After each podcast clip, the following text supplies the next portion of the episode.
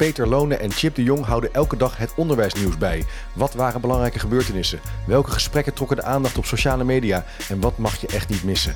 Luister nu en je bent in een kwartiertje weer helemaal bij. In deze eerste podcast, wat is allemaal gebeurd in de maand oktober? Nou, er is een advies van de Onderwijsraad. Online onderwijs schijnt te werken. Er is een delegatie uh, van onderwijsexperts naar Helsinki, of die gaat naar Helsinki, om te leren van scholen in het buitenland. Er gaat meer geld naar het PO toe om de orde te krijgen. 4,4 miljard euro gaat naar het MBO, beroepsonderwijs voor excellentie en stageplekken. En het MBO doet ook mee met de Hoger Onderwijsprijs. Er is een hoogleraar in Leuven veroordeeld voor verkrachting van een studenten. We gaan het hebben over de stageverplichting. Er zijn steeds meer hoogopgeleiden, ook interessant nieuws. En we gaan het hebben over het verschil tussen de harde leerschool en de pedagogische leerschool. Dit naar aanleiding van een Twitterberichtje.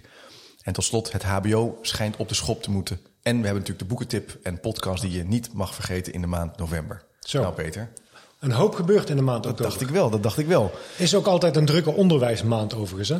Ja, september dan moeten we allemaal een beetje opst- opstarten en nu gaan we los. De pijldatum 1 oktober geweest en nu kunnen we los. Ja. Ja, Nou, laten we beginnen bij het eerste punt. Hè, de advies, het advies van de Onderwijsraad. Ik kwam erop via een berichtje van Ton van Haperen. En die twitterde van, hé, hey, kijk nou... ehm, eh, rekenen gaat in mijn beleving wel aardig... maar woordenschat lezen, erover vertellen... maatschappelijke relevantie, goh, daar is er toch wel wat spanning. Maar toch, de onderwijs heeft, Onderwijsraad heeft besloten... een onderzoek en een advies uit te brengen... om de taal en rekenen op orde te krijgen. ja. Ja, Dat lijkt me sowieso een goed eh, punt om dat op orde te brengen. ja, Een, een dermate welvarend land als Nederland kan het zich niet veroorloven dat we langzaam maar zeker achteruit gaan met rekenen, taal, basisvaardigheden. nee. Je zou kunnen zeggen, altijd goed om even een onafhankelijk advies te krijgen. Dat is weer wat anders. Of het altijd goed is, want dat ligt, ligt natuurlijk heel erg aan. Ja. Gaat het dan ook daarna beter? Gaat dat advies nou leiden tot echt verhoging van het niveau? Ja, ja. Ja ze schrijven hier eh, onder andere het cruciale belang van taal en rekenen als de zorgen om de beheersing hiervan zijn aanleiding voor de onderwijsraad om de adviesvraag van de Tweede Kamer naar wat er nodig is om het niveau van de basisvaardigheden te verhogen te richten op taal en rekenen. Ja. Nou, dat is vaak een beetje een lange aanleiding. En ze hebben het ook over complexiteit. Ja. Ja, dan denk ik, ja, is het nou zo complex, taal en rekenen?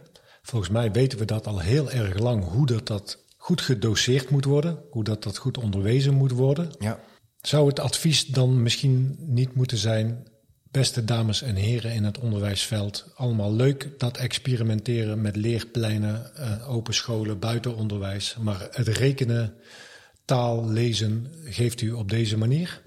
ja, toch wat meer eh, richting geven aan wat een effectieve didactiek is. Want eigenlijk is dat allemaal wel bekend. Ja, het klinkt, eh, beste luisteraar, misschien eh, vervelend. Maar eh, we, we hebben gelukkig toch al tientallen, twintigtallen jaren van onderzoek gedaan. Ja. Daar is veel over bekend. Het gaat Ja. er misschien meer over om te doen wat werkt. Ja, dus mooie even- publicaties natuurlijk ook, ook wijze lessen op schouders van reuzen. Ja, ja. Ook in het Nederlandse taalgebied weten we echt hoe dat, dat werkt. Het heeft misschien wel ook wat te maken met de vrijheid van onderwijs. Dat we soms ook gewoon onderwijsconcepten verkiezen... waarvan we eigenlijk weten dat die eh, wat spanning zetten op die basisvaardigheden. Ja. Oké, ja, dus, dus, maar ja, begin november komt het advies uit. Dus dan Ja. komen we erop terug. Ja, november komen we erop terug. Oké, oké. Eh, tweede berichtje, eh, gaan we eens even kijken. Online onderwijs heeft wel degelijk meerwaarde. Ja, ja. Klinkt wat defensief. ja ik, ik kwam erop ehm, de, door een reactie in het NRC en een column in het NRC. Eh, er was eh, vanuit de Universiteit van Amsterdam een, een ingezonden brief dat ehm, nou, de Universiteit van Amsterdam zou ehm, inzetten op heel veel online onderwijs. En eh, er was weerstand tegen, want online onderwijs is niet effectief. En eh, in coronatijd was het noodzakelijk. En er kwam een, een, volgens mij mooi onderbouwd, ehm, een mooie reactie op van eh, Frank Zuidam Ja. van de Universiteit van Amsterdam. Die zegt, ja, maar we hebben echt goed onderzoek gedaan. En eh, wij weten wat werkt en wat niet werkt. En het gaat niet zozeer om alleen online of alleen fysiek. Het gaat om de wel doordachte, goed ingerichte mix van online en fysiek onderwijs. En dan is online een hele bruikbare en eh, mooie aanvulling. Hij zegt ook van eh, digitale middelen kunnen bijdragen tot een waardevoller on-campus onderwijservaring. On-campus, dat klinkt ook wel. eh, je kan dus blijkbaar off-campus leren en je kan on-campus leren. Ja. En is dit nou ook echt onderbouwd met zeg maar data en on? Dat is volgens mij niet het geval. Nee, maar het, maar het advies wat de universiteit heeft opgesteld is dat wel. Ja, De, dus de afdeling waar eh, Frank Zuidam werkzaam is, die heeft dat heel Die goed heeft onderzocht. goed onderzocht. En die heeft dat goed onderbouwd. oké, heel goed. Kijk, dus dan weten we dus dat er ook wel reden is om aan te nemen dat het dus wel elkaar kan versterken. Ja, en verankerd in de visie van de Universiteit van Amsterdam. Ja, ja want er ging bij mij. Ik hoorde een gerucht dat de UVA eh, alle eh, hoorcolleges wilde gaan transformeren naar online colleges. Dit kan ik niet helemaal factchecken, maar dat is mij ter oren gekomen zo even terwijl ik rondliep op de universiteit. Ik heb toevallig Geert ten Dam deze week nog ehm, ehm, in een meeting gehad voor eh, docenten van de UvA.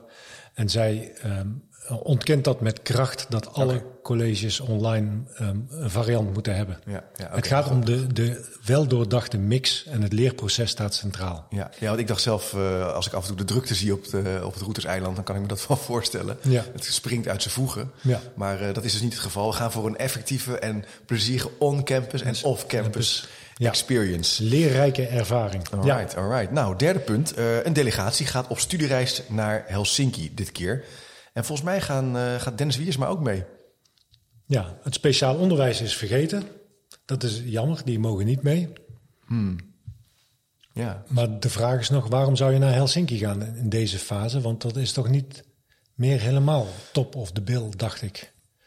Ja volgens mij inderdaad eh, is het zo dat zij op een gegeven moment... eh, of het land heeft natuurlijk gekozen voor een eh, meer aandacht voor gepersonaliseerd onderwijs. En ook wel het loslaten van de klassieke instructie. En de, de resultaten zijn toch wel gaan dalen. Ja. Ik zou ze eigenlijk adviseren om wat zuidelijker te gaan kijken. Misschien naar Portugal. Daar schijnt het vooral wat weer omhoog te gaan na een vergelijkbare keuze. Maar ja, als de minister je uitnodigt, ja, dan ga je misschien wel mee. Ik zou denk ook wel denken, ja, ik ga wel met hem mee. Ja. Naar Helsinki. Is een mooie Ja. stad, ik ben er ook een keer geweest. Dat is Ja. prachtig. Ik ben er nooit geweest. Wat, wat ik ze wel mee zou willen koud. geven.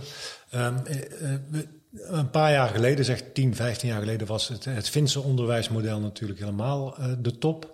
Ja. Toen zijn er veel mensen gaan kijken. En, en ehm, een van de factoren die daar destijds een rol speelde, was de, de hoge opleidingsgraad van docenten. En dat zij, als ze onderwijsvernieuwingen gingen doorvoeren, dat alleen zouden doen als er ook ehm, evidentie voor is. Ja. Wetenschappelijk bewijs. Ja. Ik ben benieuwd of dat, dat nog steeds het, het, het leidend motief is, ook in Finland. Ja, dat, dat ja. zou ik, Ik ook, ik Ik, ook. hoop dat ze daarmee terugkomen, met, Ja. met ook die achtergrond. Ja, even kritisch kijken, want Finland heeft volgens mij iets van 5 miljoen inwoners. Hè. Wij hebben 17 miljoen inwoners. Wij zullen dus ook wel wat meer scholen hebben. En we zijn Ja. ook waarschijnlijk ook anders georganiseerd. Dus Ja. laten we een beetje oppassen. Maar ja, ze gaan er wel naartoe. Dus we- laten, we, laten we het blijven volgen. En misschien is het net, een, eh, soms is bij vernieuwing ook even dat je wat achteruit gaat en dat het daarna eh, nog sterker omhoog gaat weer. Dus wie weet, hè, laten we het niet meteen Nee, heel kritisch zijn. we blijven het gewoon volgen. We blijven het volgen. Ja, Oké, oké. En de minister komt opnieuw met interventies om in het basisonderwijs de basis op orde te krijgen. Dat gaat eigenlijk ook wel over ons eerdere nieuwsberichtje ja, van de, de, eh, van de adviesraad. ja, Ja, dus dat is blijkbaar toch eh, de top of mind, hè? ja. ja. Nou ja, er wordt extra geld ook naar, gaat ook extra geld, 222 miljoen. Oké, Ja, dus alweer extra geld. Ja. Reactie daarop was op Twitter: ja, eh, zorg nou voor permanent en gestructureerd geld. Want dit is ook weer iets wat tijdelijk is. En daar Ja. heb je soms ook een beetje last van. ja, ja. Maar goed, hij is er wel mee bezig.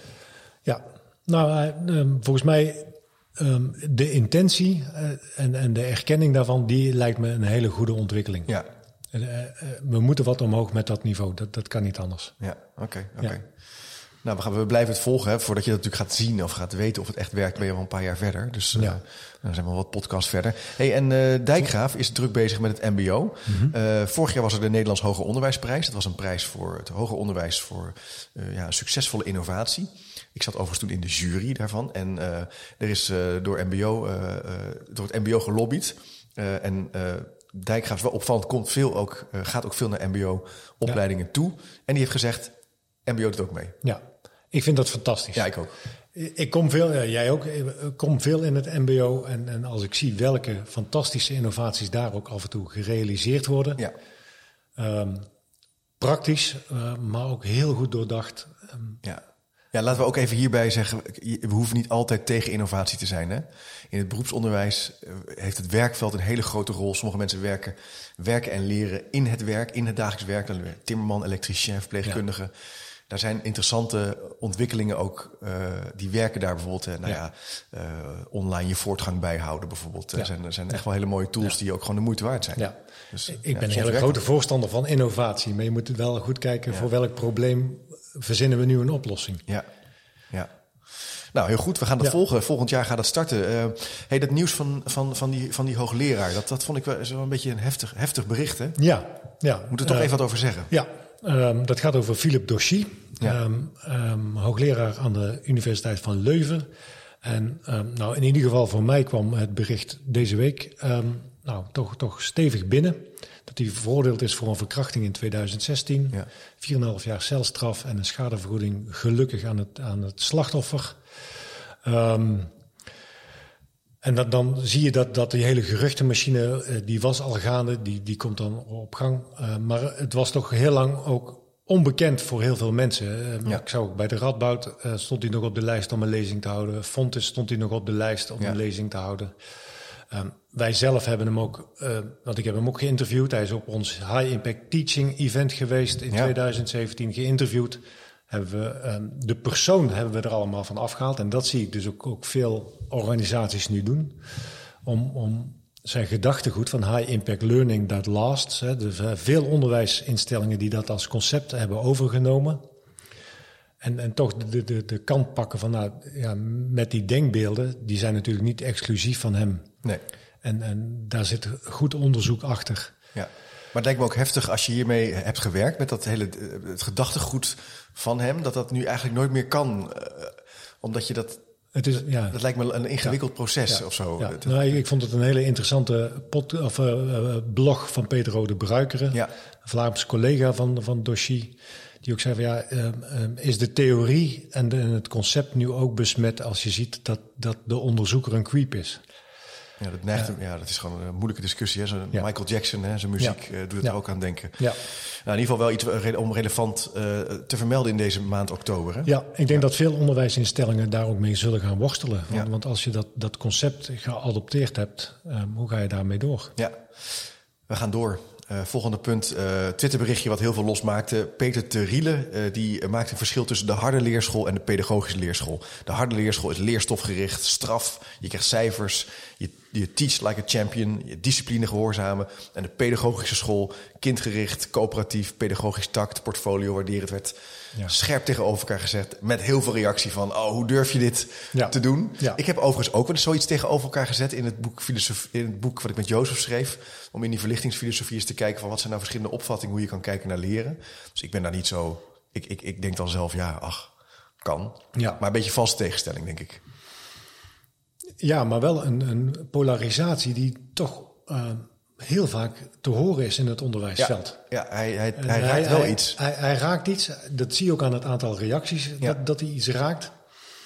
Ehm, ik ben zelf erg van de radicale middenweg hierin. Ja, Dus, dus het, het is niet of het een of het ander, maar het gaat echt om en-en. ja, En, en ik denk ook dat dat heel goed kan. Dat, dat je juist die, die middenweg bewandelt. Ehm, ehm, ik denk ook dat dit een onderwerp is wat, wat ook nog heel veel stof doet opwaaien, maar wat we ook goed moeten blijven volgen. Ehm, want, want het heeft wel heel veel interessante perspectieven om verder uit te werken. ja, ja, ja, ja. Maar dan moeten we wel een beetje uit die tegenstelling gaan. We moeten het ook even goed gaan onderzoeken. Dus het helpt, maar het is ook een beetje makkelijk. Ja, Maar ja, soms is makkelijk ook. in de, oplossings, in de oplossingssfeer helpt het niks. Nee, nee. Laten we het daar maar bij houden. Ja. Hey, goed nieuws, er zijn steeds meer hoger opgeleiden. Dat is dan toch fijn, hè? Ja, en het beroepsniveau stijgt daar ook mee. Ja. Dus er komen steeds meer mensen die dus een HBO of WO diploma Ja, hebben. ja. Maar ja, De krapte zit op de arbeidsmarkt Ja. aan de onderkant. Ja, en dan het is- onderboven is al, hè, maar, maar, Ja, maar, maar goed, de praktisch ja. geschoolden, laten we het, eh, ja. dat is Ehm, een punt, hè? Want eh, ik, ik was bij, bij, het- bij een, eh, een MBO-opleiding niveau 3 beveiliging. En eh, als je nu als beveiliger, eh, toezichthouder of toezicht, eh, in- kan je als ZZP'er 60 euro per uur verdienen. Als je dan fulltime werkt, verdien je 9000 euro als ZZP'er per maand. Ja. Nou goed, je hebt geen zekerheid, hè? je moet zelf je pensioen opbouwen. Maar dat is meer dan een bedrijfskundestudent Ja. gaat verdienen na vier, vijf jaar. En misschien zelfs wel in zijn prognose. Dus de wereld is echt aan het veranderen. We hebben het nog niet helemaal door, Ja. maar die is fundamenteel aan het veranderen. Maar toch, we gaan hoger, hoger, hoger. Ja, nou, ja, ik, ik weet nog dat, dat in, volgens mij was het een kabinet Balkenende die zei van we moeten naar 50% op, eh, hoogopgeleide bevolking. Dat iedereen ook dacht, ja, dat gaat natuurlijk nooit lukken. Dan moet of het niveau dalen, Ja, want, we noemen ze eerder hoogopgeleid, dat zou natuurlijk ook kunnen. ja. Ehm, en, en hebben we daar als kenniseconomie, was toen in ieder geval het leidend motief, heel, eh, behoefte aan dat dat 50% is. Ja, ja, ja, ja. Ik denk dat we veel behoefte hebben aan mensen die echt iets kunnen. Met hun handen, met hun ehm, denken en dat goed combineren. Nou, daar, uh, laten we het daar maar bij houden. Uh, en er is een panel wat heeft gezegd dat het HBO ingrijpend moet veranderen. Dus het HBO is ook toe aan een, aan Ja. een, uh, ja, Ja. herontwerp. Ja, Ingrijpend heeft zoiets als radicaal. ja. We, we hebben dit bericht opgepakt uit het onafhankelijk nieuws van de Hogeschool Rotterdam. Ja, eh, waarin gekeken wordt van, eh, nou, eh, moet dat HBO nou radicaal veranderen om aantrekkelijk te worden? Ehm, ik, ik ben daar altijd heel terughoudend in.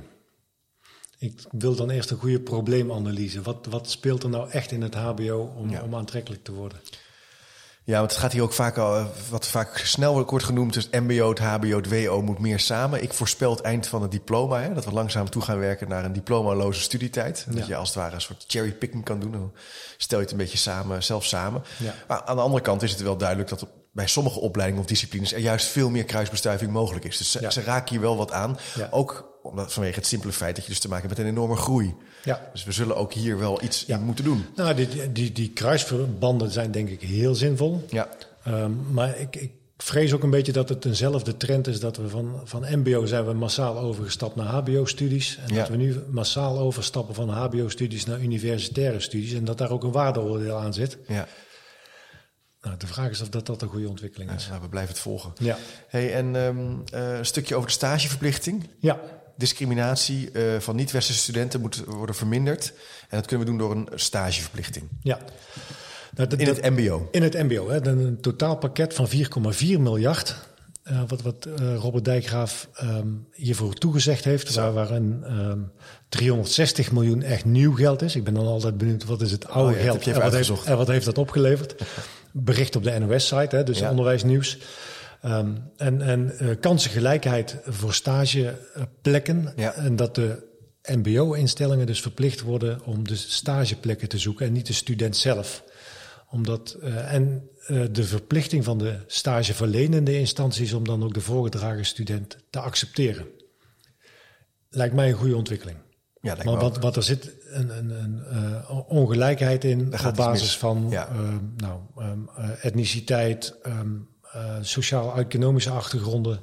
Van allerlei ehm, eh, regel, of nee, niet regel, maar, maar gewoontes die ontstaan zijn. Ja, ja. Waardoor ehm, mensen gewoon te weinig kansen hebben op een goede stageplek. Dus dat lijkt me heel goed. Het gaat aangepakt worden. Er Ja. is in ieder geval budget voor eh, beschikbaar en een plan. Nou ja, Ja. goed, we gaan Ja. zien of dat ook effect gaat hebben. Een kritische noot die ik daar nog bij wil hebben bij dat plan is dat het ook gaat over excellentieprogramma's. Ja, En eh, ik heb niks tegen excellentieprogramma's, maar ik wil graag dat excellentie voor alle studenten in de onderwijsprogramma's zit. En niet bij voorbaat studenten geselecteerd worden voor excellentieprogramma's. heel goed. Excellentie voor iedereen. En altijd. Ja, Nou, dat is een, dat is een mooi, mooi slogan van de maand, eh, maand oktober. Laten Ja. we eh, tot slot nog even, wil ik graag nog even twee boeken tippen. Mhm. Eh, het nieuwe boek van Jo Berding rondom Cornelis Verhoeven. Ruimte voor vertraging in filosofie en onderwijspraktijk. Nou, Cornelis Verhoeven ken je misschien wel, is een filosoof, een denker, docent eh, geweest die heel veel heeft geschreven. Ook al onder andere over spieken. Heel mooi boekje, een eh, traktaat over geschreven. En Jo Berding heeft zijn werk verder geanalyseerd en is iemand die ook nadenkt over opvoeden en filosofie en nou ja, onderwijs. Leuk boekje. En een gouden ouwe eh, kwam ik tegen via Twitter, The Hidden Lives of Learners. Een prachtig boek geschreven door Graham Nuthall. Je moet het tweedehands kopen, maar het is echt een mooi boek over hoe, ja, undiscovered, the undiscovered world of the learner. Ja, en hoe iemand leert op school en Ja. in zijn leven. ja. Tip mooi. ik even. Jij nog een tip? Ik heb nog één tip en dat is eh, onze Metis Masterclass op maandag 7 november over activerende didactiek. Is dat nou een hype of is het echt noodzakelijk om dat eh, vorm te geven? Ehm, en die masterclass geef ik samen met eh, David Meij van Neurohabits, een neurowetenschapper die echt ook de hersenen ingedoken is om te kijken van wat doet nou activerende didactiek. Kijk. 7 november om 4 uur meld je online aan. De website staat in de speaker notes. Nou, de eerste nieuwsuitzending. Blijf luisteren. Als je tips hebt, laat het weten. En tot de volgende keer. Dank jullie wel voor het luisteren.